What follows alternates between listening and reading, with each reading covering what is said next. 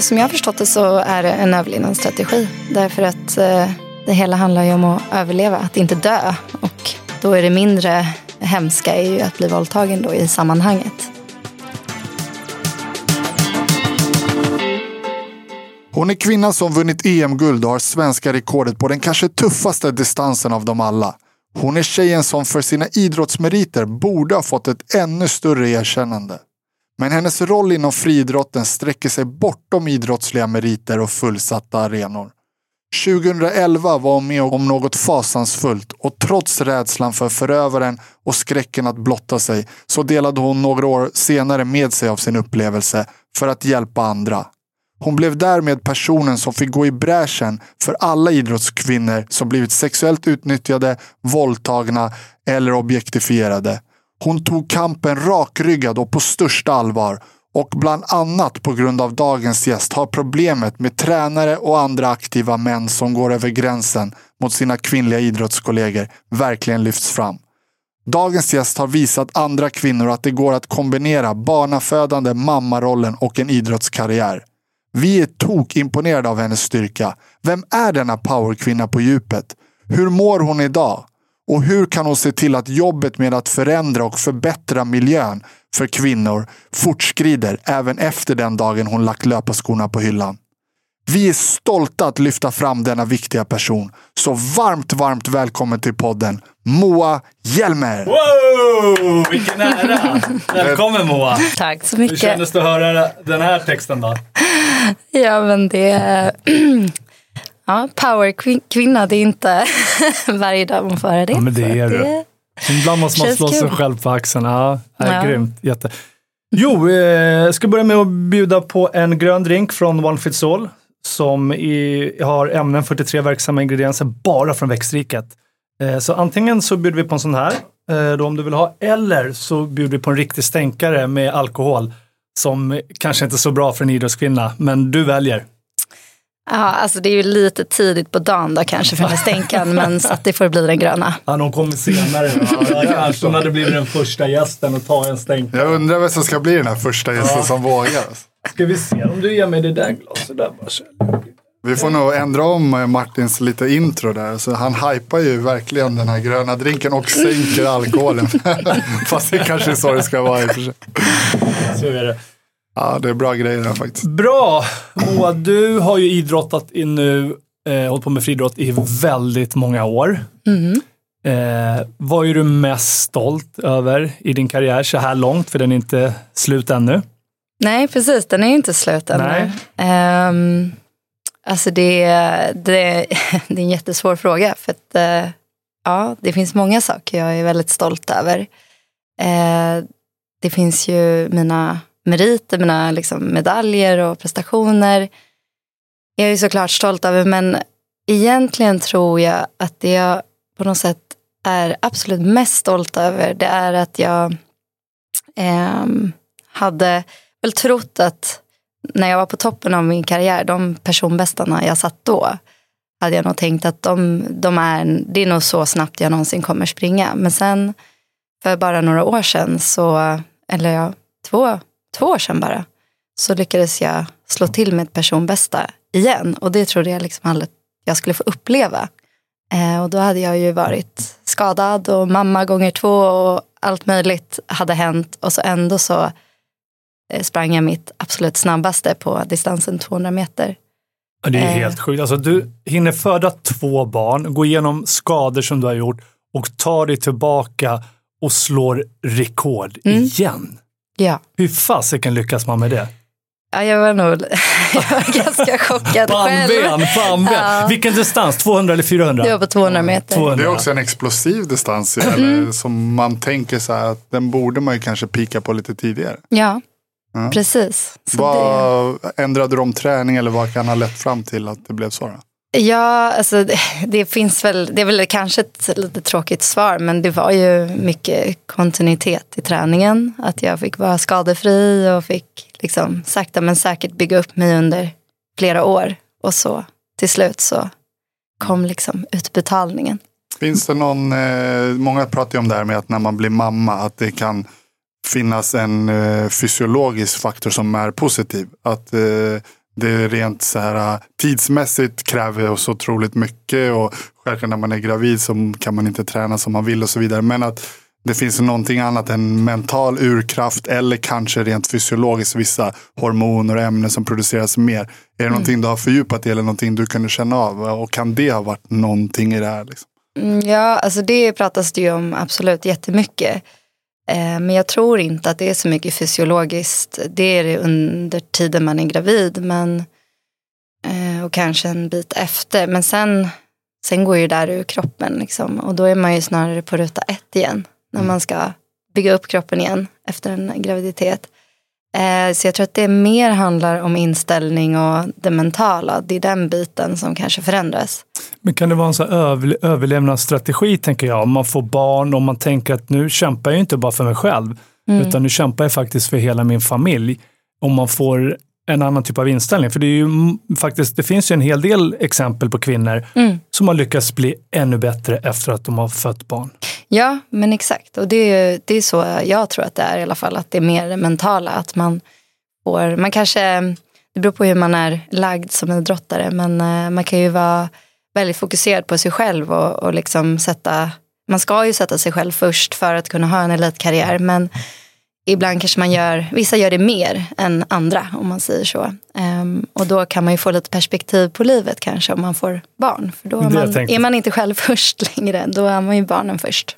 Man får lite distans, man får andra perspektiv. Mm. Som du säger, helt plötsligt så har man andra saker att tänka på, vilket kan vara positivt också. Ja. Än när, bara, när man bara tänker på idrotten och allt handlar om prestation hela tiden. Det har varit viktigt att inte stå och falla med sin prestation. För den kommer att, det kommer aldrig gå spikrakt uppåt, det är ju så.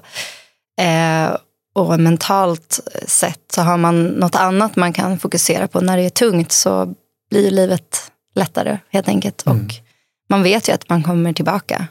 Eh, man måste bara ha lite tålamod. Mm, och det sänker prestationsångesten kanske lite det där att amen, det var inte värre än så här, jag kan gå hem och krama min son eller min mm. dotter. Och, och så. 2011 så äh, slog du rekord Eh, det 25 år gamla rekordet på 400 meter på 51.13. Eh, ett otroligt rekord. Tror du att du någonsin kommer kunna komma upp i de här tiderna igen och kanske till och med springa ännu snabbare? Eller känner du att den tiden är förbi? För det var ju ett tag sedan nu. Mm. Hur, hur, går din känsla och dina tankar kring, kring det?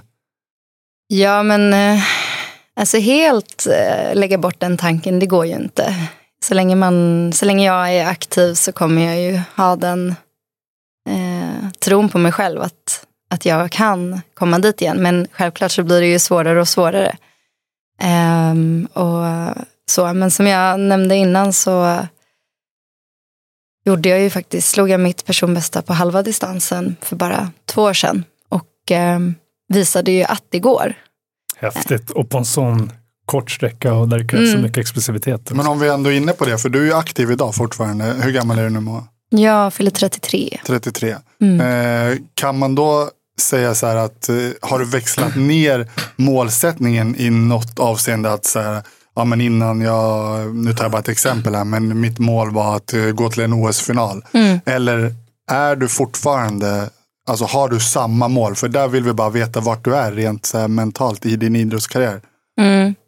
Nej, jag har inte samma målsättning. Det är ju, man hamnar ju någonstans i en balans där man ändå, eh, eller man bör vara i balans med realitet och målsättningar. Eh, och nu så har jag haft lite för mycket skador och lite för mycket sjukdom och sådär. Och då har jag sänkt mina egna förväntningar. Men det betyder inte att de där högsta eh, målsättningarna är borta. Det är bara liksom att jag kanske har skjutit dem lite på framtiden mot hur det såg ut innan.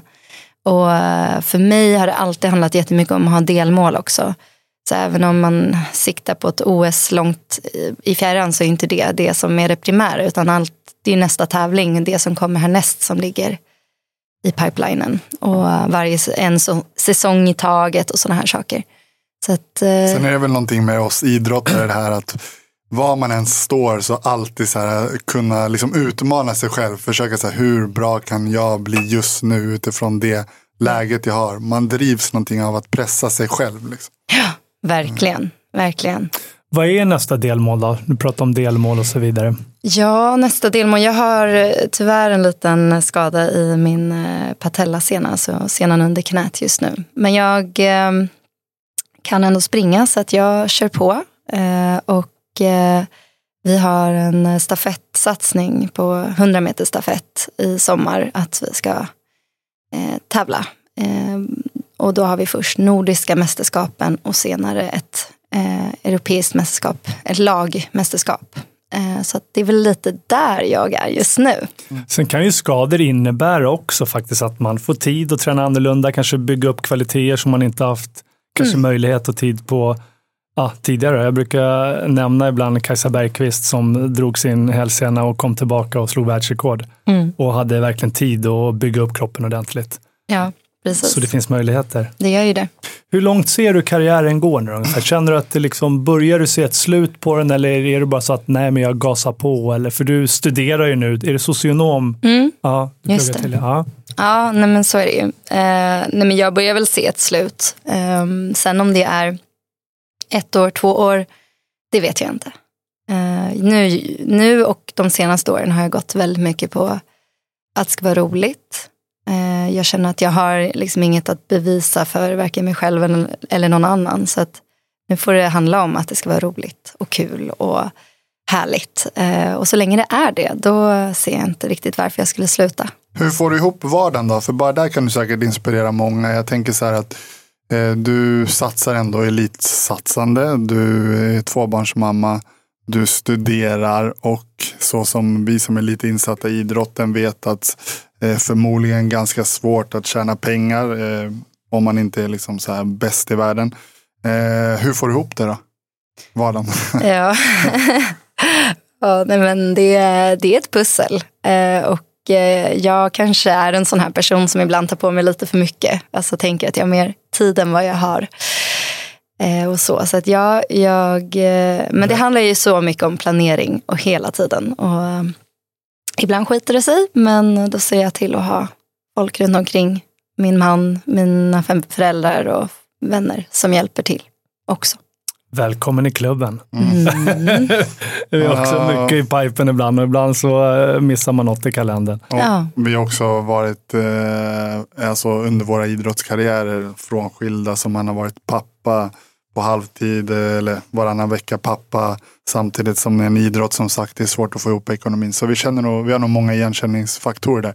Mm. Eh, rent ekonomiskt då, kan du eh, vi ställer ibland lite raka frågor här, mm. så du får backa om brottarbröder attackerar. Men kan du tjäna pengar på friidrotten idag? Ja, inte idag kan mm. jag inte det. Men jag kunde det eh, när jag var som mest. Och eh, ett tag kunde jag det.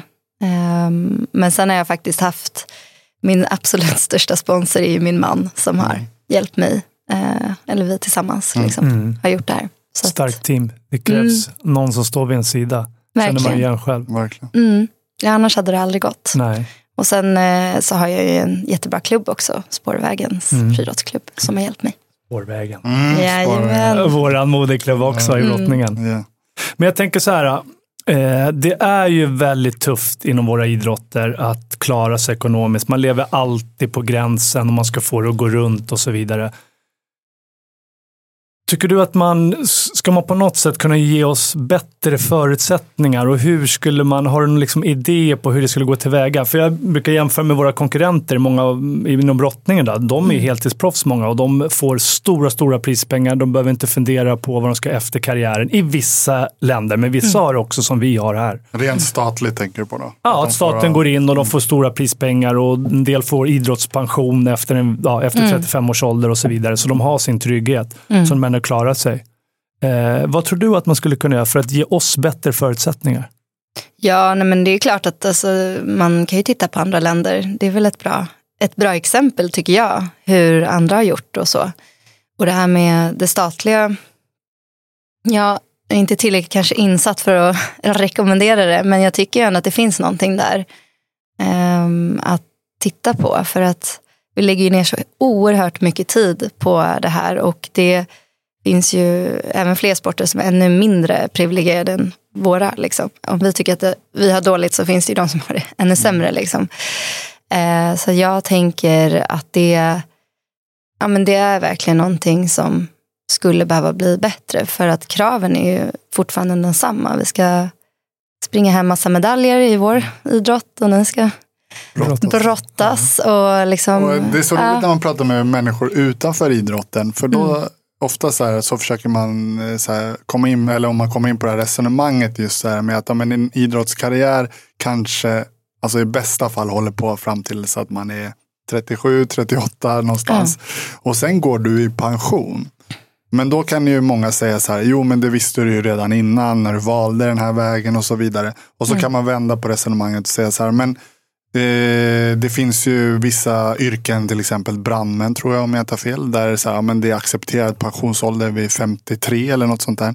Varför skulle inte idrottare som kan påvisa meriter att man har varit på, varför skulle inte det kunna finnas en accepterad nivå av att ja men här måste du faktiskt gå i pension för att man är fys fysiskt begränsad och att staten då skulle kunna gå in med till exempel idrottspension. Vad tycker mm. du om en sån grej?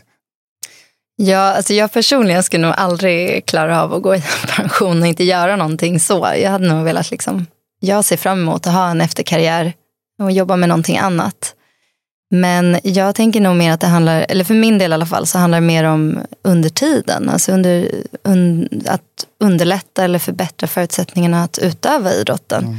För det är snarare där tycker jag som en, en stor problematik ligger. Mm. Där man behöver eh, men, ha den här prestationsångesten för man vet att man inte bara eh, riskerar att eh, liksom, bli besviken på sig själv och andra kanske också blir besviken på en för ens prestationer utan, eller resultat.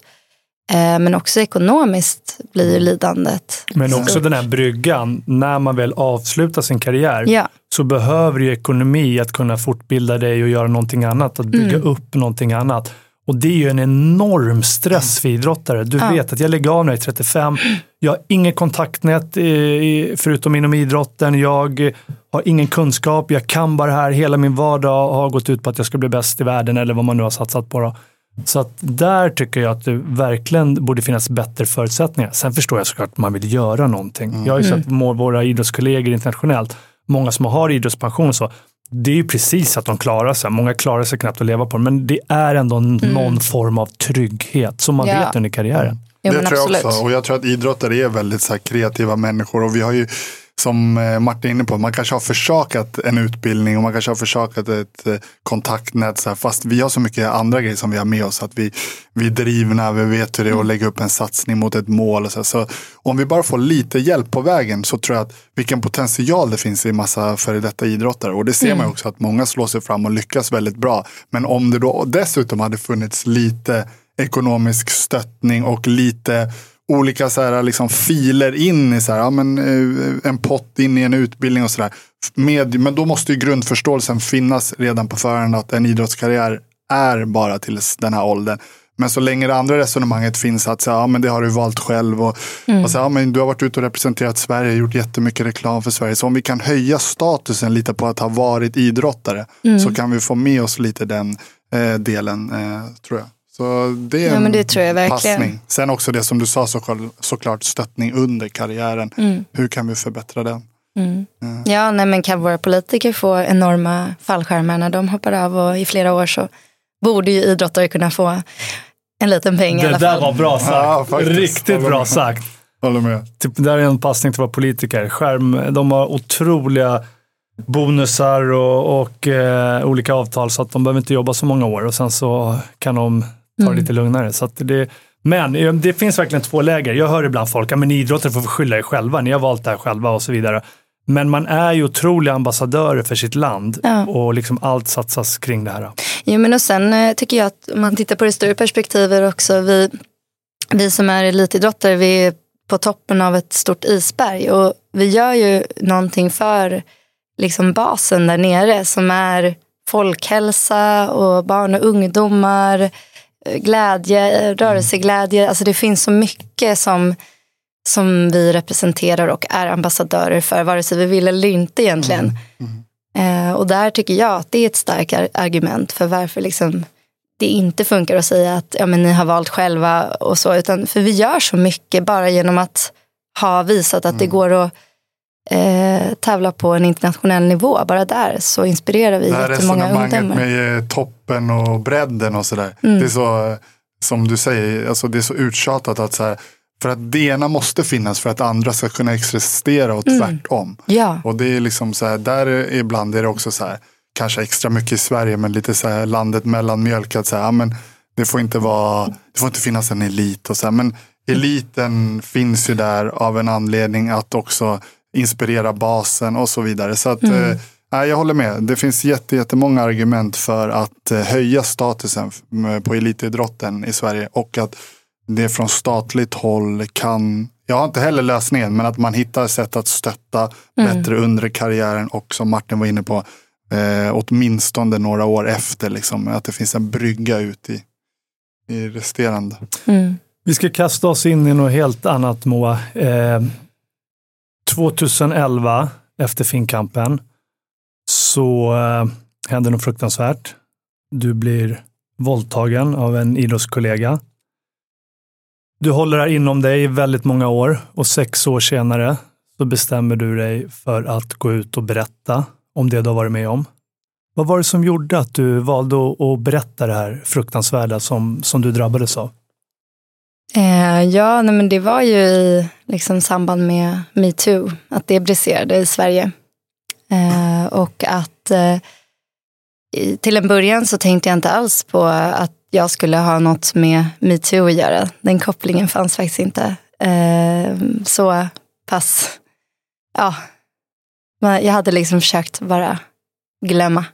Men eh, sen så när alla branscherna gick ut, eller uppropen gick ut bransch för bransch och till slut när idrotten gick ut med sitt upprop med anonyma berättelser, då kände jag mig väldigt träffad och insåg eh, att ja, men, jag är ju också en del av det här.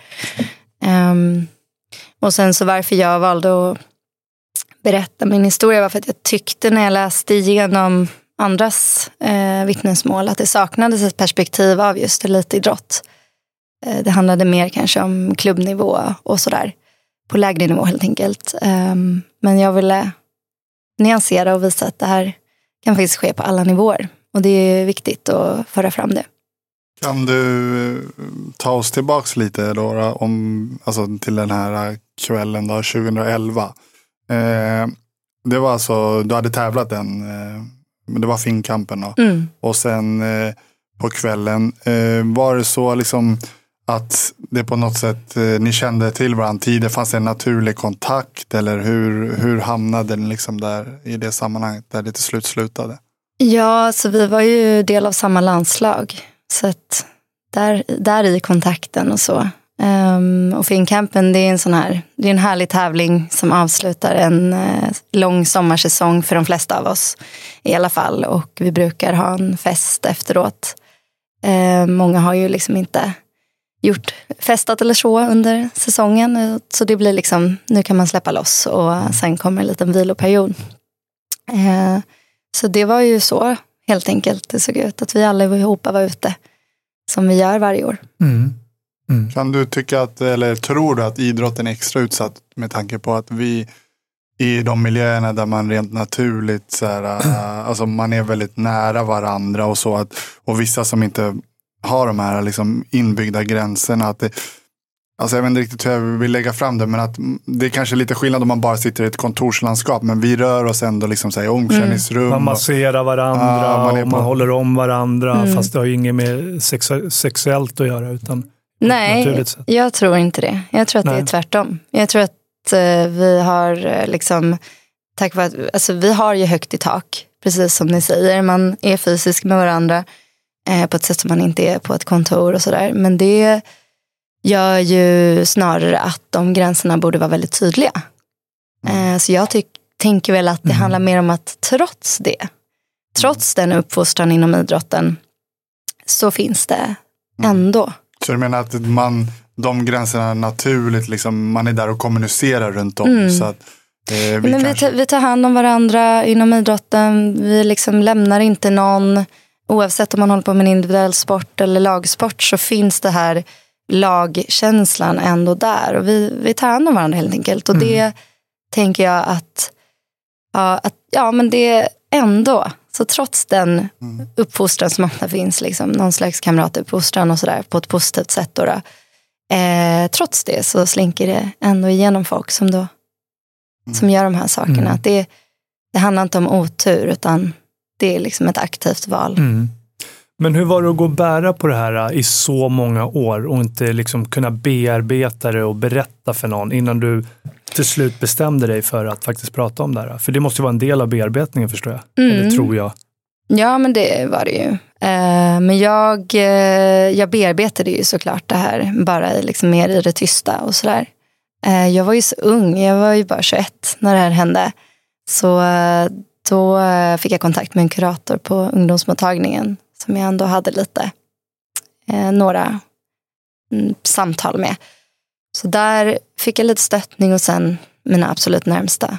Eh, min dåvarande pojkvän som är min man idag och mina bästa vänner, de stöttade mig i det här. Så att jag bearbetade ju det, men jag gjorde bara inte det offentligt. Man, förhoppningsvis så kan ju sådana här samtal som vi har nu hjälpa andra som har varit med om liknande händelser. Och då vill man ju lite så förstå att det verkar som att det finns olika perspektiv eller olika tillvägagångssätt när man har blivit utsatt för någonting. Att vissa nästan så här vänder och vrider på situationen och nästan skuldbelägger sig själv.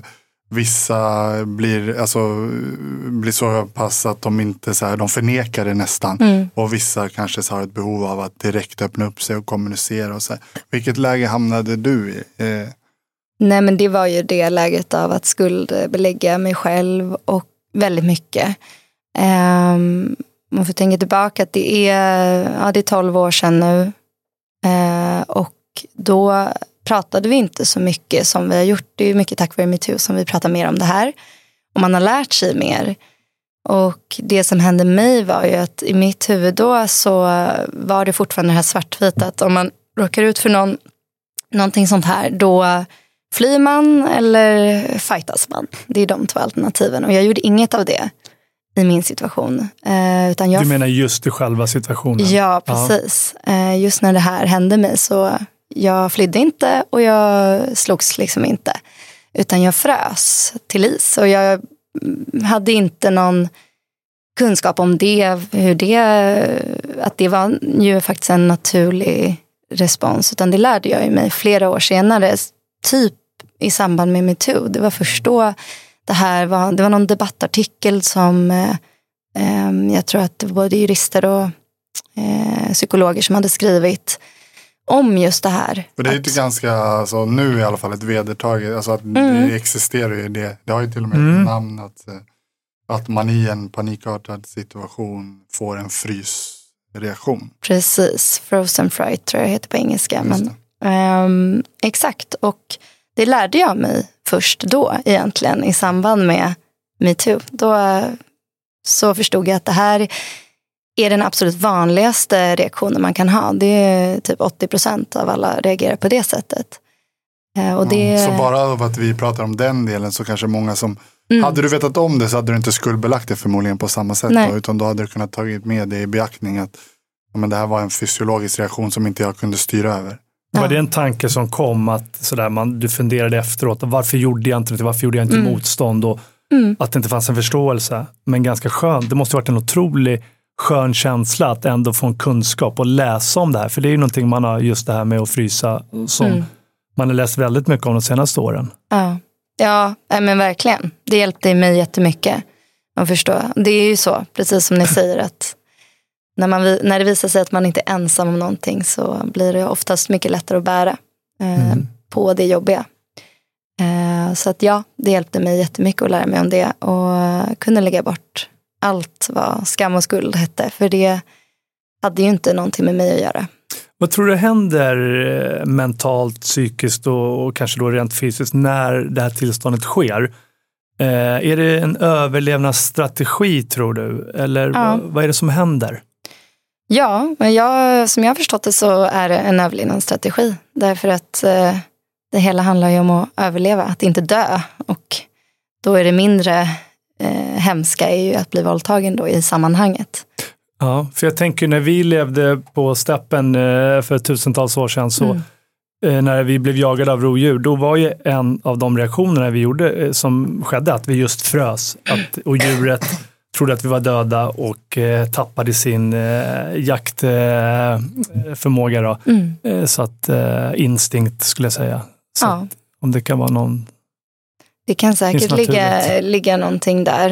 Eh, men också människor, vad människor utsätter människor för. Så Mm. eh, liksom, kan jag tänka mig att det har funnits en... eh, Hade du gjort någonting men- annorlunda då om du fick liksom så här, äh, vara rationell? Att så här, nu menar jag inte i själva situationen som hände utan alltså, st- tiden efter, precis efter. Att hade du polisanmält eller ja, men om den rationella Mova som sitter här nu. Mm. Hade du kunnat gjort någonting annorlunda för att kanske än hårdare liksom, poängtera det här? Eller, vad hade du gjort? Ehm, ja, framförallt hade jag ju mått mycket bättre.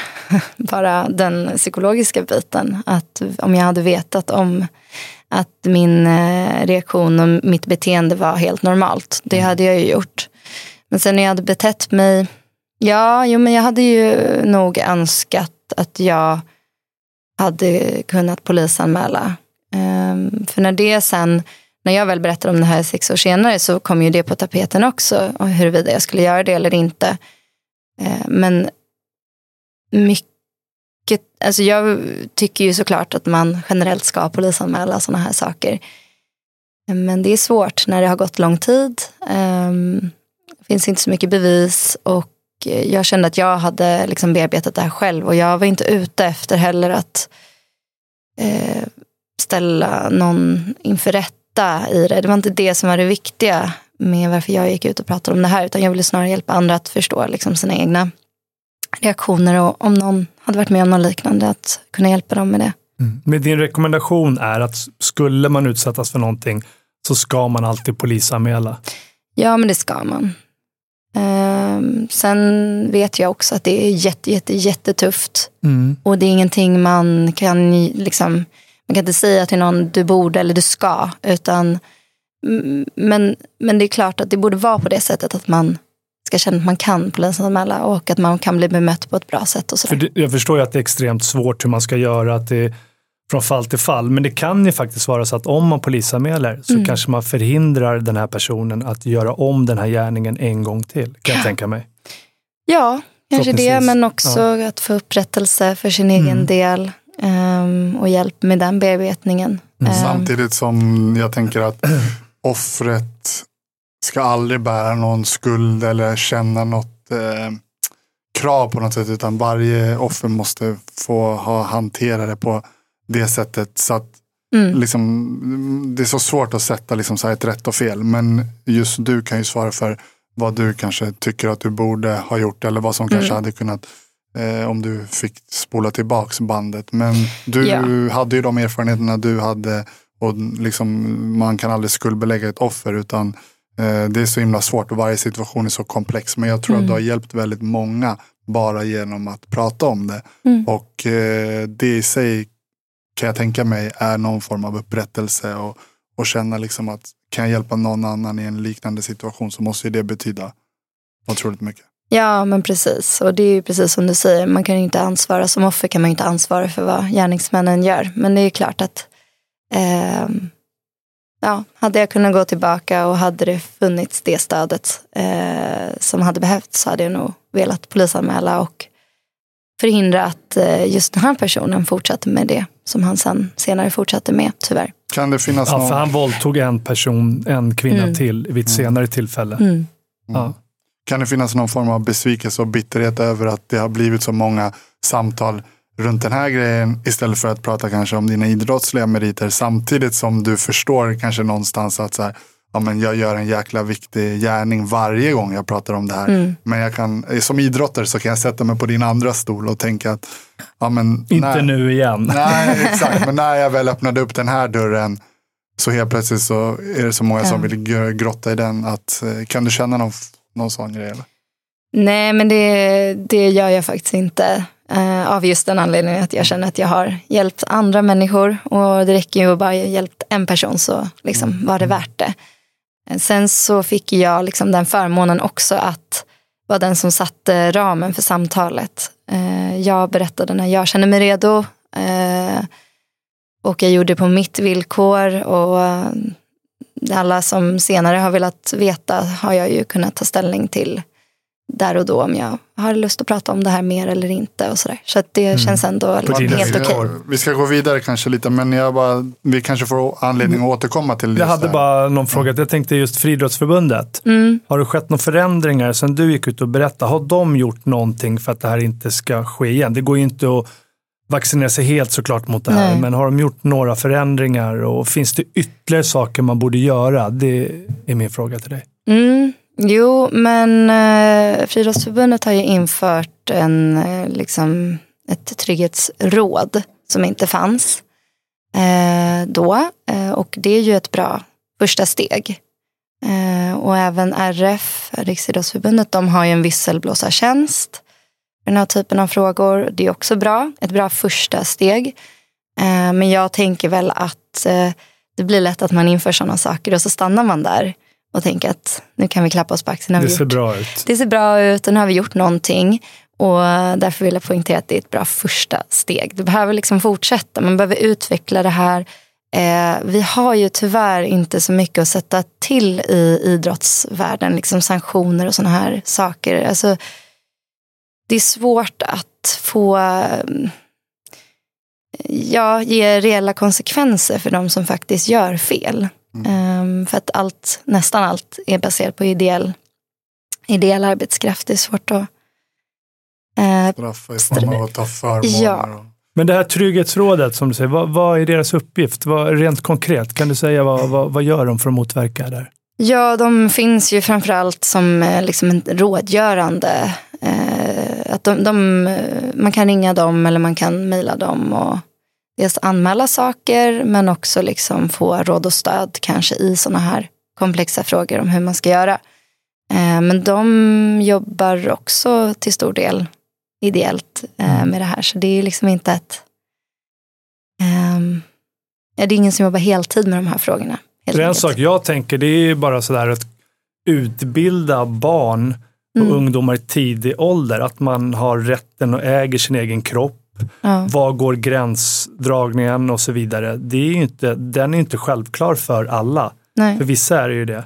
Och mm. det känner jag måste vara en jätteviktig del, att verkligen utbilda, att lära barnen i tidig ålder. Jag äger min egen kropp, ingen tar på mig utan att jag vill och så vidare.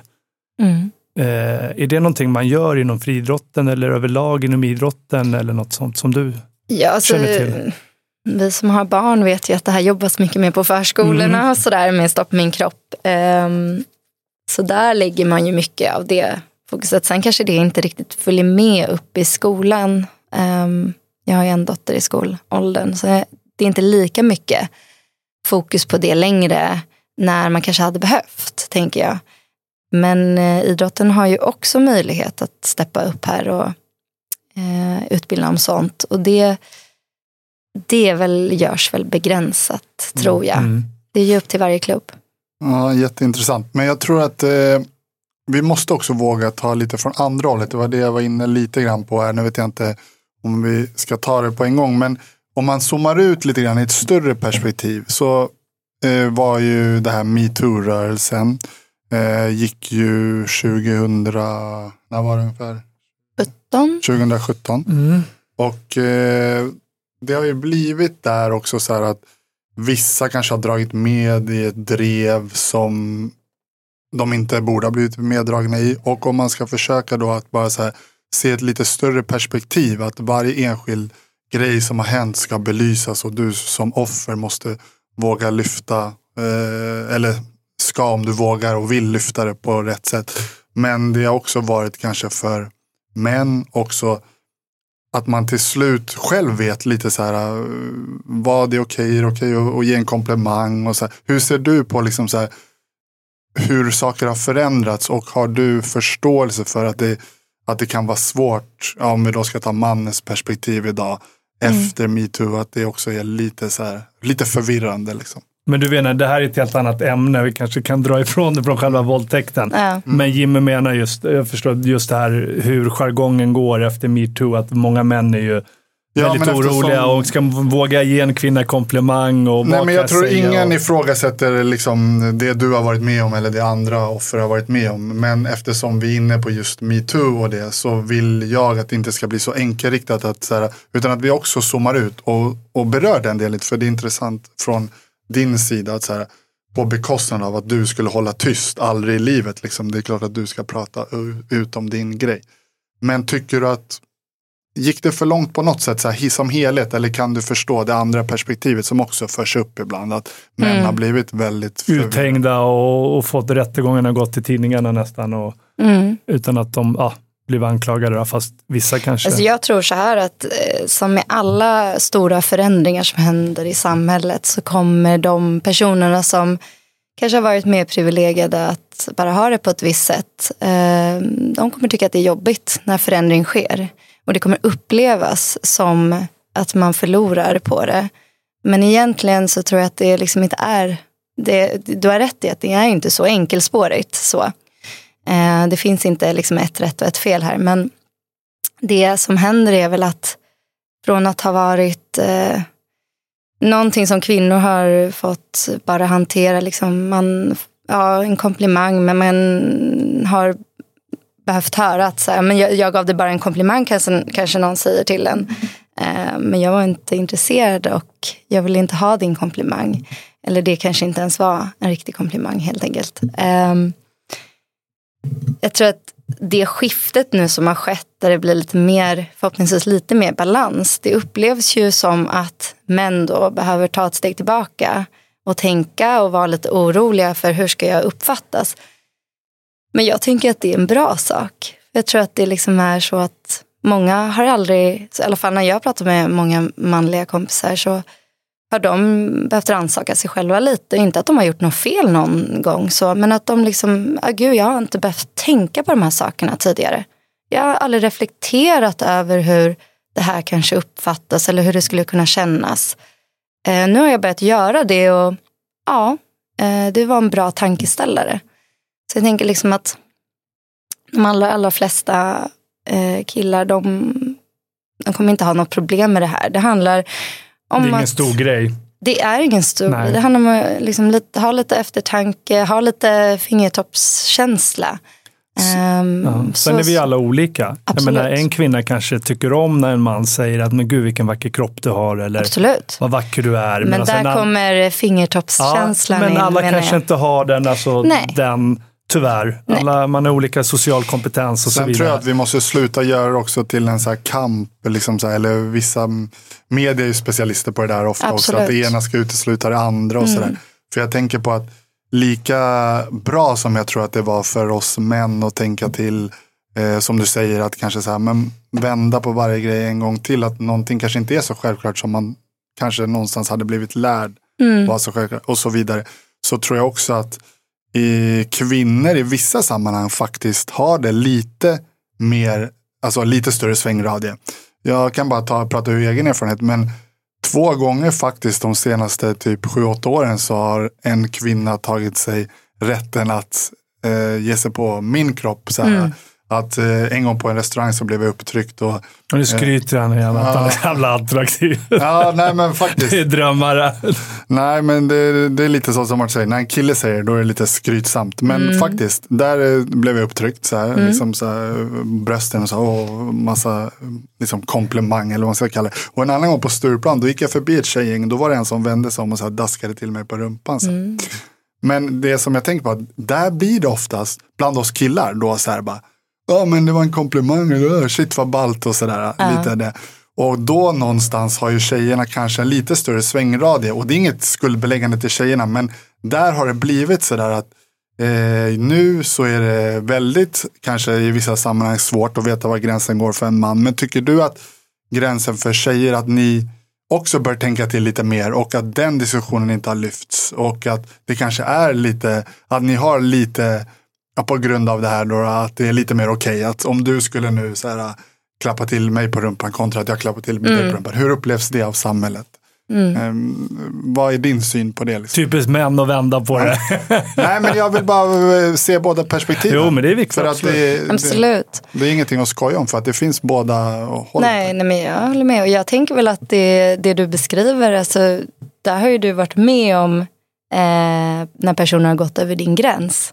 Och som inte kändes okej, antar jag. Mm. Eftersom du nu tog upp de sakerna. Eh, och jag tänker att det är precis det som också är en följd av metoo. Att män vågar kanske prata om de här sakerna som du sa innan. Att det ska bara skojas om och ja, lite som Ja, men, Martin gjorde ja, precis. men det- men jag man- tror vi män, ja, men absolut. Alltså man, man sko- ja, men man, då blir det liksom skämtsamt och man ska ta det som komplimang. Men det kanske inte alls kändes så. Och att man då vågar prata om det. Jag tror att det liksom är en positiv följd också. Så att det, men är jag, jag, har med om, eh, jag, har, jag håller med om att det ska inte handla om liksom en dragkamp. Utan jag tror att det finns bra saker för, för båda könen här att eh, ta med, sig. Och det verkligen. är det som jag ville lyfta med att just det här, de här händelserna som jag berättade om.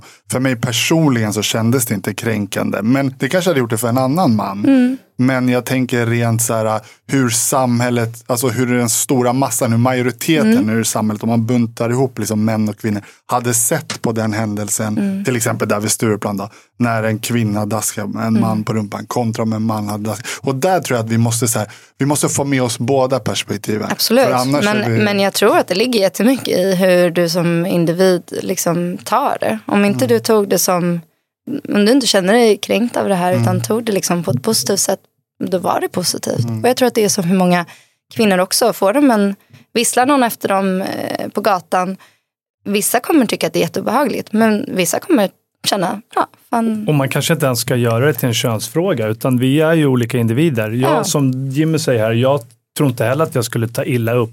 Men det är klart att det händer det många gånger och hur Mm. de tar på en och så vidare.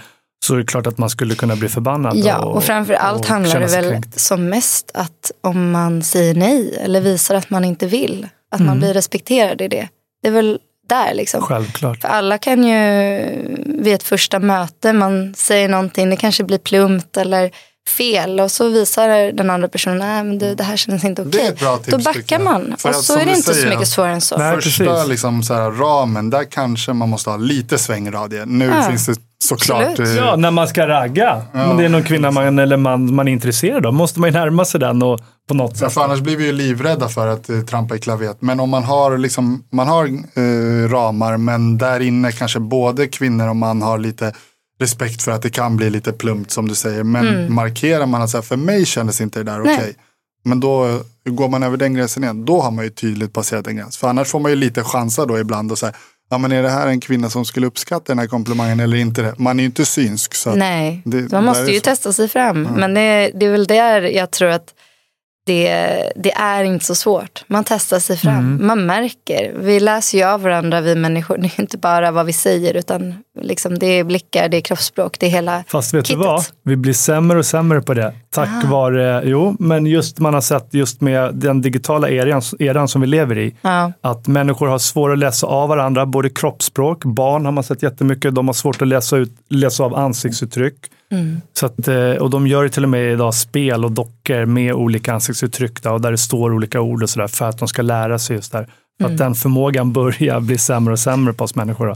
Så det är ett helt annat ämne, men ganska intressant. ja, absolut. Eh, Jag tänkte komma in lite på det här med kroppsidealet eh, bland kvinnor. Jag har läst någonstans om dig Moa och att du födde två barn, eh, väldigt lättklädda, när ni, eller mycket som syns av kroppen när man tävlar och så vidare, precis som vi inom brottningen. Mm. Eh, hur, hur har det varit Eh, och har du fått mycket reaktioner? Det, jag menar, man har haft en fött ett barn, varit gravid, kanske lite mer hud än vad andra kvinnor har och så vidare. Hur har det Mm. varit för dig? Ja, men det, det blev ju en stor grej för mig alltså personligen för att kroppen förändras så drastiskt, så liksom radikalt. Eh, så då blev det någonting jag verkligen fick brottas med mina egna tankar kring min egen kropp. Man är ju liksom en idrottare och man tränar och, och använder kroppen som redskap och så plötsligt egentligen, ja, det är nio månader och så ser man väldigt annorlunda ut. Ehm, det, det var någonting jag fick eh, ja, men både processa ett tag och aktivt arbeta med. Det tog ändå ett par år. Det tog kanske två, tre år innan, efter mitt första barn, innan jag började känna att, att jag var liksom bekväm i, i min nya kropp. Hur kändes eh, det här att eh, friidrottare har ju oftast eh, av tradition ganska så korta shorts och Mm. eh, sporttopp och så. Eh, kände du att det var liksom så här, eh, ett statement att du så här, men oavsett om inte jag känner mig i min bästa form så, så duger jag som jag är så Mm. jag kommer ha de här kläderna för jag har fött barn. Eller kände du någonstans att du kände dig tvingad att ha dem för att det inte fanns ett annat alternativ? Eller Mm. vilket läge hamnade du i? Nej, men det blev definitivt ett statement. Först hade jag ju andra kläder, lite mer täckande kläder och sådär. För att jag kände mig bekväm med det. Men sen så efter ett tag så var det ju precis så att, att utmana, det handlade egentligen mest om att utmana mig själv. Därför att Mm. den här tanken om att alla andra tittar på en och alla andra tänker massa saker om en, den, den sitter ju i ens eget huvud. Det är ju sällan så. Men fick Eh. du reaktioner från andra? Nej, men det som hände var att jag insåg att jag, jag hade redan fått massa reaktioner på min kropp, men långt tidigare innan jag blev mamma. Det hände redan när jag slog igenom och var som bäst egentligen. För då, för jag liksom, jag hade inte så mycket, jag, var in, jag har inte sett, varit sådär väldefinierad och inte haft sådär synliga muskler. Utan, eh, ja, men haft lite underhudsfett sådär. Vi är alla olika bara. Ehm, och då fick jag en hel del kommentarer när jag hade tagit mitt eh, EM-guld. Att eh, det skulle ha handlat om tur. Ehm, Tur. ja, det var för att liksom om man... Okej, i brottning om någon snubblar. Då kan man vinner, klocka ljuga. Ja, Exakt. precis. Det. Nej. Ehm, och att eh, liksom, för om man ser ut som jag gör så kan man ju liksom omöjligt vinna, eh, vinna EM. Det går ju inte. Eh, så den typen av Det var kommentarer. inte någon som skrev så här också att ah, men hade hon bara varit smalare så hade hon sprungit ännu fortare och sånt. Typ av peak också. Ja, men det var precis liknande. Och grejen var ju att när jag tog mitt EM-guld då blev jag uttagen till OS i London. Eh, och då inför det så kom mycket av de här kommentarerna. Att liksom, det var det här med att jag hade bara haft tur på EM och så nu i OS, det kommer liksom, jag kommer inte ha någon chans. Och, ja, många som hade massa åsikter. För att det, det ser man på mig att, det, att jag kommer inte kunna prestera. Ehm, och där, det tyckte jag ju var jobbigt. Då var jag fortfarande, jag var 22 då, så det var inte, man är ju känslig liksom. Men jag försökte ändå att slå bort det och sådär. Ehm, men det här kom upp när jag sen, några år senare då, födde barn och hade hela den här tankarna om mig själv och min kropp och nu ser jag helt annorlunda ut och sådär. Då eh, mindes jag ju då de här kommentarerna och liksom det som ändå har hängt, det hade ju uppenbarligen hängt med då. Mm. Så det blev som en, en, en grej också att, att prata om. Att så här, shit, vad jäklar vad folk ska ha åsikter om hur man ser ut. Mm. Det vet ju ni också som idrottare, det Mm. har ingenting med det att Men göra. vad starkt ändå att du så många gånger har liksom tagit fighten så som du säger. Att du både har gjort upp med dig själv liksom och så att Mm. ja, men, eh, jag är trygg i och att du också vågar praktisera det ut för att jag vet inte om du tänkte så då men också hjälpa andra. Liksom. Att, har du alltid varit så att du liksom har stått upp och Ja, men jag tror det. det ligger lite i din person kanske? Ja, men det är väl så.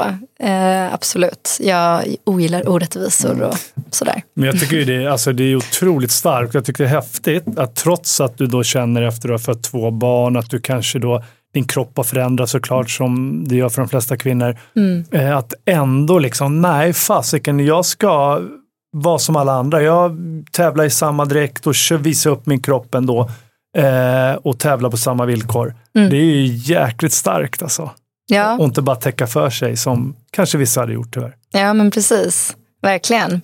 Så, Och eh, det, alltså, jag har ju märkt också att det, det, det är någonting med det där som folk tycker är fascinerande. Så jag tror jag liksom har fått som mest sådana, eh, folk har tittat på videos när man i slow motion ser typ liksom mycket så här gravid magedaller och sånt där. Det, då har, alltså det har väldigt många tittat på. Man märker att man får väldigt mycket liksom engagemang kring det. Så uppenbarligen så berör det, även fast det bara är liksom lite hud och lite fett. Alltså det är ju egentligen ingenting. Men jag tänker ju alla andra kvinnor som kommer efter dig, som upplever samma sak med sin kropp. Du har ju verkligen visat vägen, att jag vågar, jag kan. Det är en som redan har gjort det, gått i bräschen. Och det blir lättare för de som kommer efter också. Precis som du gjorde när du berättade om det fruktansvärda du varit med om och så vidare. Så att, eh, Ja, jag men det var imponerad. därför- Men jag, jag tänkte bara backa tillbaka där som du sa, den här när du var lite yngre och upplevde att du inte hade så väl definierade muskler som de andra och så vidare, eller många av dina konkurrenter. Eh, ledde det till någon förändring? Liksom började du äta annorlunda eller träna annorlunda? Liksom, fick du någon typ av ätstörning? Eller liksom, Nej, nej, jag fick som tur var inte det. Jag, jag vet inte, jag har väl liksom... Jag är inte riktigt lagd åt det hållet. Jag har aldrig riktigt haft eh, något problem med mat. Utan jag gillar tvärtom, gillar mat väldigt, väldigt mycket. Och man behöver ju också äta väldigt mycket när man idrottar på, på den nivån som man gör. När man ska vara på elitnivå. Så att det har jag liksom haft med mig eh, på något sätt. Men det hade ju kunnat gå åt det hållet. Absolut. Och det är ju inte ovanligt heller. Kanske inte, kanske mer i vissa idrotter än andra. Eh, jag tänker ni kanske har erfarenhet som har viktklasser och sånt. Det behöver Det ju har ju inte vi varit en deala med. eh, Men... diskussion inom brottningen just Mm. där med eh, vikthetsen eh, som du är inne på eftersom det är så konkret inom brottningen med viktklasser. Mm. Och eh, det är lite eh, alltså, eh, tragiskt när man tänker tillbaka. Så att, så här, eh, när vi var små då var det ju nästan okej, eller vad ska du säga Martin, att så här, man bantade till en viktklass fast man var 12, man såg ja, 12, det var 13 8, år. 9, 10-åringar till och med som nej, nej, nej, du ska banta för du ska klara din vikt. Men då var det ju inte för utseendemässiga Nej, nej. skäl, utan mer för att du ska gå ner och du får lite lättare motståndare och så Men vidare. tänk vad Så det måste ha satt sig i huvudet på många i vår generation som säkert har lett till eh, vikthets och ätstörningar och så vidare. Nu finns det ju som tur är lite mer regler runt det där. Men just i våran idrott, så här, jag brukar tänka tillbaka och tänkte vad galet det var egentligen. Att det var så här, sprang runt tioåringar och liksom pratade om att de skulle gå ner tre kilo för att klara den där viktklassen. Det är ju många brottare, jag har själv kompisar utan att nämna någon namn som har berättat att de fick svåra ätstörningar efter karriären. Ja. Så att, eh, ja, för jag gissar att det sker väl inte på ett direkt hälsosamt sätt. Man Nej. måste snabbt ner i vikt och sådär. nästan svälter sig ner i vikt. Mm. Ja, nej, och samma problem finns nog i all idrott. Men det, är ju, det kan ju se lite olika ut och så. Men det är klart att det är en fördel om man väger lite mindre. Mm. eh, Även i friidrott och så. Att det, det, kan, det, det är ett Är problem. du förskonad från att det är någon tränare som har sagt liksom något så rent konkret? För mm, jag tycker det är jätteviktigt att vi lyfter de här ämnena. För alla som är ute i de här miljöerna idag och det kanske finns någon som har blivit drabbad och sådär. Är det, fick, var det någon tränare som var så rent konkret så här, Moa, jag tycker att eh, du måste gå ner i vikt här. Alltså har du råkat ut för? Nej, jag har ju lyckligtvis inte gjort det. Men jag har haft eh, vänner som har gjort det. Så att det finns tränare och man snackar ju sinsemellan sådär när man växte upp. Man vet ju vilka tränare som hade det lite det fokuset. Ehm, så tyvärr så finns de lite Men så här, här och där. Ja, men om jag slänger ut frågan till er båda. Jag tänker så här, om, som inom fotbollen, där brukar man säga att du behöver ligga kanske 10% i kroppsfett eller under för att bli väldigt framgångsrik i fotboll. Och du har en spelare, du är tränare, du har en spelare som ligger kanske på 17-18% i kroppsfett. Han tränar, han sliter stenhårt, men du ser att han kommer aldrig bli lika bra som de andra om man inte drar ner de här extra kilorna. Hur skulle ni, eh, om ni ser att han verkligen gör allt och, vill nå framgång, skulle man våga säga det till den här personen? Eller tycker ni bara att man ska hålla tyst? Hur skulle du reagera då, Moa? Nej, men alltså jag tänker om vi pratar om det här, om det här är en vuxen person.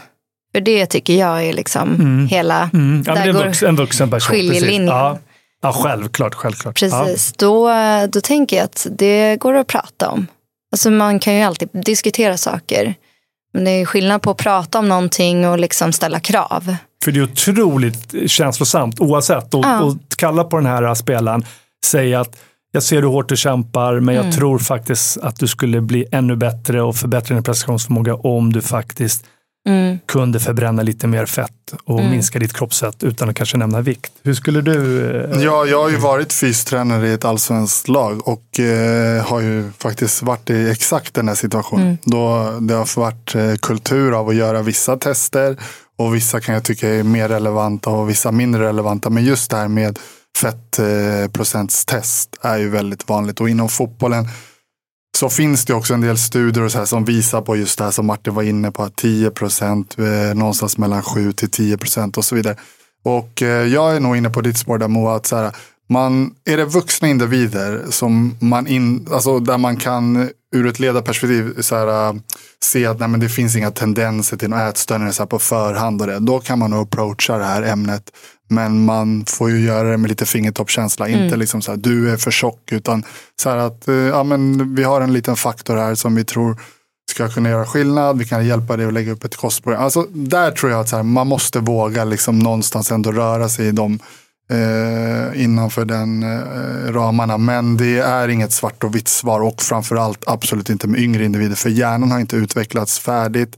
Man har inte satt sina liksom, så här, eh, ideal och sådär. Så att de sjukliga beteendena man tar med sig in i vuxenlivet, de har ju någonstans liksom Mm. på grund av saker som man har blivit utsatt för eh, när man inte är färdigformad. Så jag tycker bort med allt sånt i fotbollen om vi snackar U17 och sådär. För att jag vet att det finns faktiskt vissa lag som håller på med de typerna av mätningar längre ner i åldern. Ja. Mm. Jo, jag tänker på en annan sak. Eh, Alison Felix, eh, gamla friidrottsstjärnan, hon gick ju i bräschen för att man ska kunna bli gravid. Eh, man ska inte drabbas ekonomiskt. Kvinnor ska ha samma förutsättningar som männen. Och du tog ju snabbt över den här stafettpinnen kan man säga och krigade för de här frågorna här i Sverige. Mm. Eh, vad var det som fick dig att, att liksom tända till och, och eh, börja kämpa för, för det här, för kvinnors rättighet också, Moa? Eh, men alltså det är klart att det var i samband med att jag blev gravid och fick känna på konsekvenserna eh, av det. Ehm, jag ju, fick ju sitta då eh, i ett möte med vår kära olympiska kommitté och eh, berätta att jag ska ha barn. Och istället för att få ett grattis så fick jag, ja, eh, okej, då eh, blir du avstängd. Eh, Då. Va? Jäklar. Blev du avstängd? Alltså att du fick bli av med ditt stipendium och alla sådana grejer. ja, men precis. Så då var det, eller jag blev satt på paus. Ja, lite fint. Men det är ju säga. faktiskt otroligt kontroversiellt. Alltså det är ju, då har, har de inte kommit längre i sin förståelse där. Det var ju liksom, vi kunde tro att det var illa, men så det är illa. då man verkligen behöver sitt ekonomiska stöd. Man ska bli mamma och behöver stöd under den perioden om man nu väljer att säga att jag ska fortsätta idrott, idrotta. Mm. Jäklar. Har du berättat, alltså, är det någon annan som har försökt bemöta liksom det? Har, de, har du fått liksom, ställa SOK till svars och har de ändrat sitt förhållningssätt? För det låter ju helt sjukt. Då. Ja, alltså det blev väl, där och då blev det någon form av eh, replikerande via media, sådär som det kan tendera att bli. Men de stod väl fast vid liksom att det här är deras policy och det bara är så. Ehm, det, men för mig, det som du frågade om vad jag tände till kring, och det var ju just att liksom det bemötandet jag fick och, och sådär. Det kändes inte rätt och jag tyckte inte det var okej. Jag skulle ju hellre ha sett kanske att man men, rimligtvis lägger upp en plan och särskilt när man har en ung idrottare som jag var då, jag var 23. Eh, att så här, okej, vad har vi för plan? Men istället så hamnar allt ansvar på mig att eh, vi, vi pausar dig ett år och sen ser vi om ett år ifall du är tillbaka på de eh, nivåerna som du var så kan vi kanske återuppta eh, stödet. Men då ska jag alltså hinna gå igenom en graviditet, föda ett barn och så hinna tillbaka. Ja, och det hur är ska liksom man inte... överleva? Och det är inte mycket pengar man får, den lilla ersättningen Nej. man får som mamma. Och framförallt om man inte har haft en ganska bra ekonomi eh, Nej, men exakt. Exakt, så är det ju. Eh, Det är ju hela det här med Försäkringskassan och grejer. Har man inte haft någon inkomst dessförinnan och typ levt på stipendier och sånt där, då har man ju noll. eh, Liksom, då får man ju någon slags lägsta nivå, vilket är inga pengar alls. Och det tycker jag är otroligt svagt av en sån organisation som Sveriges Olympiska Kommitté. För att återigen, så här, det handlar om en individuell bedömning. Att så här, ja, absolut, det, de ska stötta idrottare som eh, kan ta olympiska medaljer. Och är man då 36 och blir gravid och då kanske de ser det som att så här, nej, men vår individuella bedömning är mm. att du kommer inte kunna komma tillbaka och slåss om, om medaljer i OS. Och då får man respektera det. Mm. Eh, men när du sitter 23 år och är tydlig med att ja, men jag har mina bästa år framför mig och jag, vill, jag kommer vilja satsa fullt. Och att då liksom klippa stödet för att du ska ha en frånvaro i form av en graviditet. Vad är nästa steg då? Om någon kommer med ett cancerbesked, ska jag göra dem likadant då också? Mm. Ja, men precis. Mm, det är en bra jämförelse. Det är, men det är ju helt inte, sjukt. Det är ju inte logiskt. Uh, och där och då, nu, nu tror jag att det finns lite skillnader. Jag är inte så insatt längre i och med att jag inte har med NSK att göra så. Men jag tror att det har blivit lite förändringar. Men jag kan inte egentligen redogöra för dem. Uh, men jag tror att handbollstjejerna har, har kunnat ta del av någonting i alla fall. Och så det är ju bra om det, liksom, om det händer någonting. Men då när det här hände mig då, liksom tio år sedan, då var det ju det som var kontroversiellt tyckte jag var inte nog med att jag som kvinna blev avstängd, utan jag hade ju andra eh, friidrottare då i alla fall, som jag kände, som blev pappor i samma veva. Mm. De fick lite mer stöd för att kunna ta med familjen på träningsläger. Oh, ja, ja, där tänker jag tillbaka på, på min egen karriär. Jag var ju själv 23 när jag fick mitt första barn, precis som du. Mm. Eh, och eh, var inne i min stora satsning. Och jag fick ju fullt stöd av SEK. Ja. Och jag tyckte att jag, de verkligen backade upp mig, även när jag berättade att jag skulle bli pappa. Så mm. vilken skillnad. Mm. Här kommer jag som man och får fullt stöd, kanske nästan ännu mer uppbackning och du som kvinna då blir av med allting. Ja. Och oavsett, tycker jag, om du hade valt att avsluta din karriär där och då så skulle det ändå inte slutat så här. Nej. Du behöver överleva, du har ett barn att ta hand om. Det måste finnas en ekonomisk trygghet. Det är självklart. Mm. Ja, det, det Men vad ska man göra annorlunda då, tycker du? Eller vad, vad, vad kan man göra för att göra det ännu bättre för kvinnorna att kunna kombinera idrott med att bli mamma och föda barn? Ja, men alltså det är ju det här eh, som vi egentligen varit inne på tidigare med, liksom, med eh, det långsiktiga. Eh, att man har den här långsiktiga blicken på idrott. För att särskilt nu för tiden så kan man ju hålla på mycket, mycket längre. Tack vare att vi äter bättre och vi lever bättre, sundare, vi vet mer, liksom, vi har eh, så mycket mer kunskap. Så vi som idrottare blir äldre, allt äldre som håller på. Och där blir det ju därför lite absurt liksom då att ta någon som är 23 och säga att nu är karriären över när man kan hålla på nästan till 40. Eh, så är det ju inte. Så det, det behöver upprättas någon form av långsiktigare planer och kan man till exempel inte på grund av en graviditet liksom tävla och prestera, ja men då kanske man inte heller behöver lika mycket pengar rent eh, så för träningsläger, tänker jag den typen av mm. Så rimligtvis kan man ju sänka sitt stöd då eh, och portionera ut det. Så mm. det skulle ju kunna vara ett. Nu blir jag lite nyfiken här rent på personen eh, Moa. Nu har vi pratat ganska mycket så generellt och lite det som du har gått i bräschen för och jätteviktiga frågor.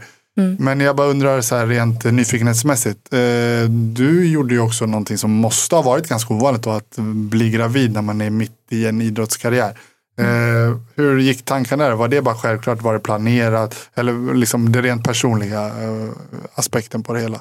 Ja, nej men det var, det var planerat. Mm. Eh, absolut. Det var inte något som bara hände utan det var väl planerat. Eh, men det hade väl egentligen kanske inte en, en positiv, det har, det har ingen positiv historia utan jag kände mig ganska eh, psykiskt utmattad av då ja, jag var bara 23 men jag hade hållit på i landslaget under ja, nästan sex års tid redan och tävlat och tävlat och tävlat och ni nämnde inledningsvis här så är 400 meter det är en väldigt tuff gren mentalt, jobbig. Eh, så att jag, jag hade lite tappat glädjen och jag tyckte inte längre att det var kul. Eh, jag såg bara det här negativa och prestationsångest och och allt det där. Och det var ju liksom inte heller någon som riktigt pratade om det sådär. Det, och mental träning. Jag hade tränare när jag var i junioråldern som liksom tyckte att mental träning det är det larvigaste som finns. Så jag hade blivit uppfostrad med det att sånt behöver man inte. Uh, Bit ihop och knyt näven. Exakt så. Uh, det är liksom bara för, mm. ja, för svaga personer ungefär. Tyvärr. Uh, Men tänkte jag... du då att, så här, att du, då kom det här med att kanske bli mamma och sen satsa vidare, kom som en naturlig tanke i ditt huvud då. Men det måste ju varit många runt omkring som bara Moa, vad håller du på med? För att det, inget, det, var, det, var, inte många andra runt omkring dig kan jag tänka mig som valde att bli mamma vid 23 Nej. i en idrottskarriär. Nej, jag tror att det var många som blev ganska chockade ja. över det här. Eh, men jag fick ändå bara positiv respons. Det var ingen som ifrågasatte på det sättet. Mm. Så det var ju skönt. Och det var väl lite det som var grejen också. För att det var så jag såg på det. Jag, jag hade ju såklart, alltså jag hade en idé på personligt plan att mm. jag vill ha barn. Det har jag vetat alltid och sådär. Så det var inte en, en, eh, en så stor fråga. Men däremot så kände jag väl att så här, ja, men om jag tar en paus i form av att bli mamma. Då kan ingen ifrågasätta mig. Till skillnad från om jag säger att jag bara behöver en paus. Mm-hmm. För då blir det ju liksom, var, varför då? Vad är det som nej, är nej. fel? Så jag kunde så här, gömma mig lite bakom det här. Det ja. mm. Men jag, känner, jag kan känna igen med det här att när man, när man väl blev förälder också så kände jag i alla fall väldigt mycket krav och jag kunde också känna att glä, viss del av glädjen försvann, framförallt i början. Man, som idrottare så har man ju väldigt höga krav. Man, jag hade så, jag ville bli bäst i världen i min idrott. Jag skulle vara en bra förälder, en bra pappa. Jag skulle finnas där för mina barn hela tiden. Samtidigt som jag var tvungen att åka på träningsläger 100-150 dagar per år. Och man åkte runt och hade nästan alltid dåligt eh, samvete gentemot om man var ifrån barnen mycket och sådär. Så kan det vara mm. det som också för dig bidrog, bidrog lite till att glädjen faktiskt försvann, som du sa?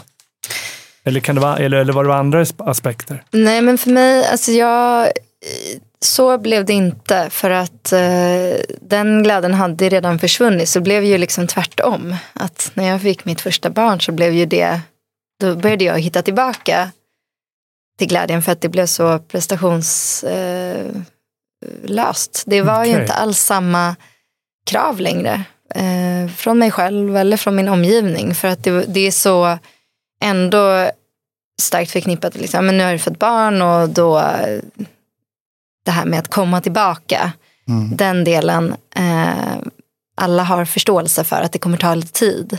Och då mm. fick jag liksom en, eh, ja, men jag fick en andningspaus. Typ så. Vad intressant det där, vad olika man kan tänka. Mm. Nu kvinnor, ni har ju liksom tuffare på så att ni försvinner lite, ni ska bära barn och, eh, och gå igenom födsel och allting. Men jag kände ju precis tvärtom nästan. Där började pressen. Nu mm. har jag inte bara mig själv att ta hand om. Nu har jag ett barn som jag ska som ska överleva, som jag måste dra in pengar ekonomiskt, jag ska få in, in ekonomi samtidigt som jag ska bli bäst i världen och det kommer inbringa bättre ekonomi och sen mm. så finnas där. Så att jag kände ju tvärtom en press. Men det, det är ja. så olika där hur man upplever situationer. Mm. Och jag är någonstans mittemellan tror jag. Jag tror jag känner igen båda två. Att, eh, mm. Det som Martin säger att så här, man, i alla fall inom brottningen så var man ju tvungen att här, vinna vissa tävlingar med prispengar, brottas i en liv. Så där var det lite så här, nu är det inte bara mig själv. Jag, alltså, jag måste ju få pengar för att kunna ställa mm. fram mat på bordet. Men samtidigt rent så här, ur ett djupare perspektiv så försvann lite pressen. Så här, ja, men det är inte hela världen. Jag kan åka hem och pussa på min dotter. Mm. Eh, så att jag tror man fick lite av båda delarna. Eh, jag tänkte så här Moa, vi har ju gått igenom jättemånga viktiga ämnen här idag. Väldigt många viktiga ämnen. Vi hade ett ämne till som är ett så här lite större ämne så att vi hinner beta av det också. Inom idrotten och framförallt inom friidrotten har det ju på senaste tio åren eh, uppstått en debatt kring det här. Vad Eh, tävlar man på lika villkor och framförallt då tävlar kvinnor på lika villkor när det rör sig kanske vissa som naturligt har en högre testosteronhalt. Nu börjar också debatten breddas lite mot att ja, men en som kanske har bytt kön, en mm. transperson. Eh, det här är ju jätte, jättesvårt. Eh, alltså jag, jag, tror ingen har ett facit, men vi vill höra ditt perspektiv på det. Caster Semenya, sydafrikanskan som hade väldigt, väldigt höga testosteronvärden. Mm. Och många tycker också att hon ser ut som en man. Mm. Eh, har ju varit ett kontroversiell Vad är person. din eh, åsikt eller liksom, vad är din reflektion? Ja, vad är min reflektion? Nej, men det är, alltså, det är ju jättesvårt, eh, tycker jag. Jag tycker att det är liksom, för det tangerar så himla många olika diskussioner. Eh, det är rättvisa och för liksom både de som är födda med, med testosteron, de kvinnorna som är det, och, men även för liksom, ja, andra kvinnor som inte är, har den här ökade testosteronhalten och vem vem liksom ska man så att säga heja på? Eller vem är mer, vem har mer rätt? Mm. Eh, Jag tycker det, som du säger, jag tycker inte att det finns ett liksom, rätt eller fel svar. Ehm, Men samtidigt måste någon någonstans eh, forma det här. För vissa Exakt. menar att det inte finns några könsroller alls. Då kan ju alla börja tävla mot varandra. Eh, ja, män men och jag kvinnor. definierar mig som kvinna. Ja, och vissa menar ju att det är bara dina hormonella, dina testosteronvärden som Mm. avgör om du är man eller kvinna. Mm. Så ja, det, är- det, är en, det, det, är svår, det är en svår fråga. Men eh, jag tycker att en kvinna som har väldigt, väldigt höga testosteronvärden, eh, lika höga som män, det känns ju lite eh, oschysst att tävla mot eh, ja, på nej, samma men, villkor kanske som alla andra. Jo, men det håller jag ju med om. Och jag hade nog någonstans ändå liksom, eh, jag har nog en tanke om att man reglerade ju den testosteronnivån som skulle vara tillåten. Och det tyckte väl jag var ett, ja, alltså om vi ska välja något så, så får vi väl, som ni säger, vi måste kanske göra någonting här. Eh, och jag tyckte väl att det var väl ett sätt man kan göra det på. Eh, sen tycker jag att det är synd att trots det så är det ju vissa då som har blivit förbjudna att delta i vissa grenar. Där kan jag inte riktigt köpa resonemanget. Jag tycker väl att vi har väl det här med testosteronnivån, ska vi inte köra på det nu? Och så, och så är det det som är regeln och så får man vara med i alla grenar. Det blir så, Mm. jag, jag kan inte alltid förstå hur resonemangen går, hur man tänker. Eh, men, men det är lite, jag tänker att det också finns, eh, det här tangerar någonting med dopingfrågorna också. Därför att där stänger man av, om någon har eh, tagit anabola till exempel, så stänger man av en viss tid, oftast fyra år.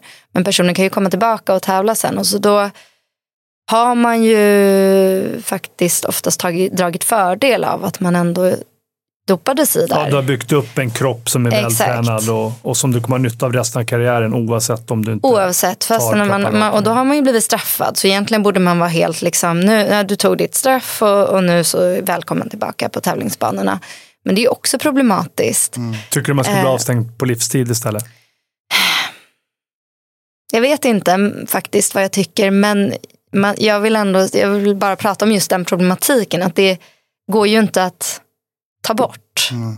Alltså åren tar inte bort det här som ändå, ändå hände. Och sen så, det är ju, Jag tycker absolut. Alltså, är man, har man dopat sig, Mm. då har man ingen in- inom idrotten man, man är inte välkommen tillbaka. Jag tycker det är en självklarhet. Man har byggt upp sin kropp, man kommer dra, troligtvis dra nytta av det hela Mm. karriären. Eh, så att, vad ska man tillbaka och göra och tävla Nej, med det- de som har varit rena hela tiden? Ja, jo precis. Men sen så kanske det handlar om vilket preparat man har tagit och sånt. För det är tänk ju om det är en viss- misstagsdoping. Jo, men det är en annan sak. Det är misstagsdoping Ja. och så vidare. Det, Men hur men om du man det? har säkra spår, ja, men man vet att den här personen har tagit och det, Svåra kanske, frågor. det är jättesvåra. Det, är- Men det, jag det- tycker därför men- kanske en analys av den här lilla diskussionen är att vi ibland kanske ställer för höga krav på beslutsfattarna. Mm. Och så här, men det är inte så svart eller vitt, men någonstans måste man, alltså man måste ju Ja. dra en gräns någonstans. Absolut. Men då ha förståelse för att okej, drar vi gränsen här, då kommer vi på något sätt skada dem på den här sidan. Drar vi gränsen här, då kommer vi skada dem på andra sidan. Mm. Ja. Det är extremt svårt. Och så är det. Det finns, ju ing, det finns ju inget sätt som gör alla till vinnare här. Nej. Men eh, din Moa Hjelmers konkreta, liksom så här, tycker du att eh, de som har, alltså transsexuella, de som har bytt kön, Mm. eh, tycker du att de redan liksom året efter, om vi tar det som ett hypotetiskt exempel, har bytt kön, att de ska få tävla en man som har bytt kön till en kvinna, året efter får möta dig i ett... Alltså jag, är ju, jag är ju väldigt emot alla former av diskriminering och det är ju det som blir jäkligt svårt här. För att eh, alla ska vara med på något sätt är ju ändå liksom det, det står jag för. Men kan man få Eh, en men- egen... Ja, Ja. Nej, nej men, alltså det, men, men samtidigt så lite så här om vi pratar om det här med doping som jag sa innan att har man dopat sig så drar man fördel av det. Har, är man född som man så har man ju då kanske de förutsättningarna som man kan dra fördel av gentemot kvinnor biologiskt. Så vad Men- blir ju Moa Hjelmers eh, Nej, kontenta? kontentan Kom igen nu, våga ta är- ställning. Nej, precis. Nej, jag, jag vill nog inte riktigt ta ställning i den här Ah, frågan. okej. Men, men jag, jag, jag kommer nog tillbaka till det här med liksom testosteronnivåer på något sätt. Om det, om det finns någonting där. Men jag kan ju inte säga det. Jag är inte Nej, tillräckligt den är bra koll. otroligt svår alltså. Vad tycker Men- ni? Ja, nej men det, Ja. som jag sa, jag tycker att testosteronvärdena på något sätt ska dra en, en gränsdragning. För det blir så otroligt, en kvinna som har så otroligt höga värden Mm. kommer ha en helt, annan, helt andra förutsättningar än en vanlig Mm. kvinna. Och där kanske lite grann det får stå tillbaks det där att alla ska med. Just inom idrotten, det är en isolerad liksom, företeelse. Och då kanske man någonstans måste våga säga så här att, som du säger, att okej, det är de här nivåerna som gäller. Det är det här tidsspannet efter en operation som gäller. Sen kommer det vara någon form av, eh, så här, tyvärr lite inbyggd diskriminering. Men annars hade det varit diskriminerande mot dem som inte tävlar på samma villkor. Och då kanske man måste våga så här, regelsätta och verkligen som du var inne på stå på den linjen i alla grenar och göra det till någon form av generellt. Ja, men framförallt när vi pratar prestationsidrott. Alla ska ju vara med och få idrotta, men just när vi pratar prestationsidrott, Precis. då måste vi ju ändå ha samma förutsättningar. Ja men så är det ju. Eller ungefär lika. Ja, ungefär lika. Och det är väl Eh, det, tänker jag. kan ju vara viktigt faktiskt att säga det. Att man förbjuder ingen från att utöva en Nej. idrott. Verkligen. Ehm, Men eh, doping, apropå doping, vi är inne lite på det. Har, Mm. du, eh, har du varit med om att någon inom din gren eller någon du har mött Mm. har åkt dit för doping? mm. Ja. Hur har det känts då? Ja, alltså jag har ju till och med varit tvungen, ehm, eller jag hamnade på en prispall där vinnaren sen visade sig vara dopad.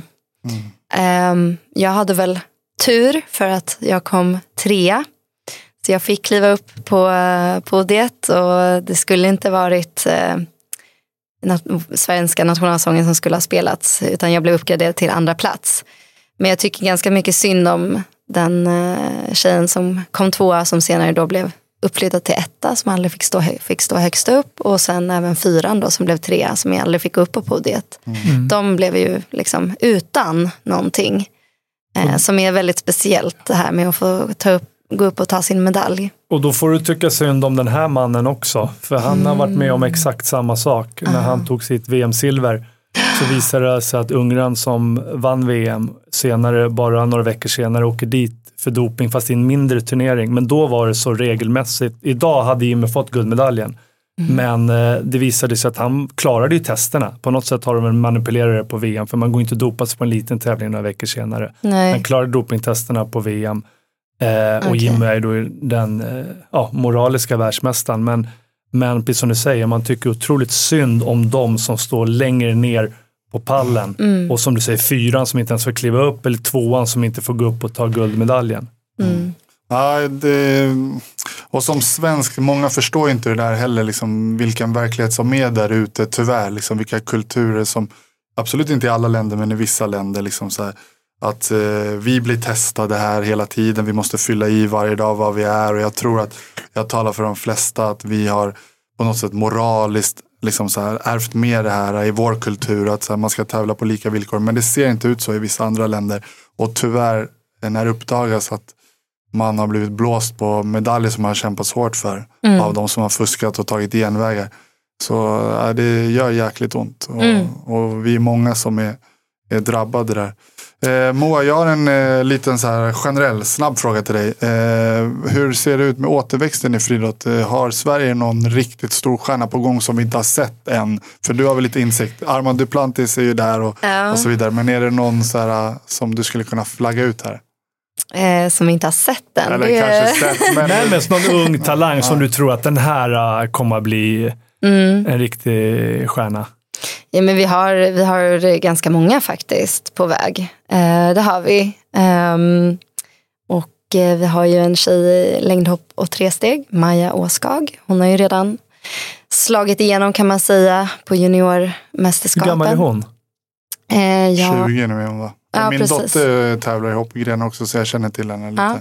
just det. Eh, ja, men jag tror att hon är 20, kanske 21. Men hon är ju vunnit junior-VM. Och, Mm, ja. precis, där har vi ju verkligen. Har vi någon Någonting. löpar... Eh, Ja, och sen har vi ju då eh, Karl Bengtström som springer Okej. 400 och 400 häck. mm. Mina grenar, eller inte häcken då, men Har han också 400. medaljer på junior-VM och sådär eller? Eh, det får vi kolla upp exakt vad hans meritlista, Mm. det vet jag inte. Men eh, han har ju eh, inomhus-VM, alltså på juniorsidan vet jag inte, men på inomhus-VM har han ett silver och eh, sådär. Så han är inte heller liksom up and coming, utan han är ju redan där. Men jag tror att vi kommer se mer av honom och det gillar ju jag, för det är min gren. Mm. Och vem tränar hårdast i hela landslaget eller i klubben? Någon så här som du vet som sliter som ett djur. Har vi någon så här som sticker ut lite? Kör lite mer än alla andra? Och, Oj, oj, oj. eller oj. någon som bara tränar väldigt hårt? Det gör ni ju alla, men om det är Ja, någon som sticker ut precis. lite extra sådär. Eh, någon som tränar riktigt. Nej, men jag eh, är ganska impad av Kaddi Sagnia som hoppar Ja, längd. just det. Just det. För att eh, jag, vet, jag vet inte om jag vågar säga att hon tränar liksom hårdast av alla eller så. Men hon, hon har haft en del skador och hon kommer liksom tillbaka från dem typ starkare. Och det tycker jag, ja, lite vad vi pratade hon- om innan. Det, var- det är coolt. Det känns som hon närmar sig svenska rekordet som Erika Mm. Johansson har. Va? Eh, hela tiden. Hon är där och bara naggar nu. Hela... En centimeter i taget hela Ja, tiden. Exakt. Ja, men det är snyggt. ja, vad häftigt. Vad händer efter karriären? Mm. Vad ska Ja. du göra? Vad ska du jobba med? Eller vad... Ja. Ja. Ja, men det är ju det jag utbildar mig till nu. Det är ju liksom eh, mitt yrke, socionom. Sen eh, vad jag ska jobba med, det vet jag faktiskt inte ännu. Jag eh, tycker det är svårt, men man kan bli väldigt många olika saker och man kan jobba med väldigt många olika Vad är ett sorters typiskt människor. eh, socionomyrke då? Ja, många av oss jobbar ju såklart på socialtjänsten med olika frågor. Men det som är så spännande är att man kan ju jobba med både missbruk, eh, funktionsnedsättning, eh, ekonomiska problem, våld i nära relation, unga, eh, familjer. Alltså det, Det är lite... Så mycket. Det här går som en röd tråd. Ja, lite. men det här passar det. Han ska alltså allt som du går i bräschen för, det otroliga arbetet och det du har gjort för, för kvinnorna här i Sverige och sen fortsätta följa den här röda tråden. Det är, jag tror du har en ljus Kan det vara någonting även- med, att, med kvinnofrågor? det kan det nog Det absolut det. Ja, men det är härligt Moa. Ja. Eh, Moa, om du fick eh, välja en gäst som, vi, som du skulle vilja se eller höra här på Brottabröder podcast, vem skulle du vilja att vi bjöd in? Som du skulle tycka var Ja, intressant som att jag skulle- att höra. Eh, Jag, nu känner jag att jag bara är i friidrottsvärlden i huvudet här. Ja, nej, Eh, det- Vi har inte haft så många idrottare här. Så att, Nej, ehm, ja, ni sa att vi har Sara alla hade varit ja, här som vi, redan. tycker, ins- vi bjuder in människor som vi tycker är inspirerande och som har inspirerande saker att och, och berätta och en historia. Precis som du. Mm, mm. Ja, eh, min vän Michel Tornéus Mm. tycker jag ju är Mm. En härlig person. Han är Och- aktuell. Var han med i Mästarnas Mästare nu va? Eller? Ja, Superstars Ja, Superstar. nu senast tror Ja, jag. Men ja, han vann Mästarnas Ja, mästare. ja. Mm. Det är ju. men och så vann han namn. precis, eh, vad heter det, Hela Sverige bakar. Ja, hela Sverige bakar. vann han det också? Ja. Han är Det en riktig är- vinnarskalle den där killen. Verkligen. Ja. Ja. men det, han har nog en intressant historia också. Kommer utifrån Botkyrka, Mm. Norsborg, så att eh, där är krokarna. Ja, bra tips. Ja men vad bra Moa, vi tackar för en, det var otroligt inspirerande att få bjuda in dig och höra dig prata om alla de här ämnena och jag tror att du kommer inspirera väldigt många där ute. Viktiga ämnen, otroligt viktiga ämnen. Eh, Mm. Verkligen. Och våran podcast har ju varit högt och lågt och så här. Och det har varit ju verkligen ett samtal om eh, ämnen som det tåls att pratas om, om och om igen. Mm. Ja, men jättetack för att du vill komma hit. Det var jätteroligt. Ja, kul. Härligt att höra. Tackar. Glöm inte att prenumerera, följa, likea. Brottabröder podcast.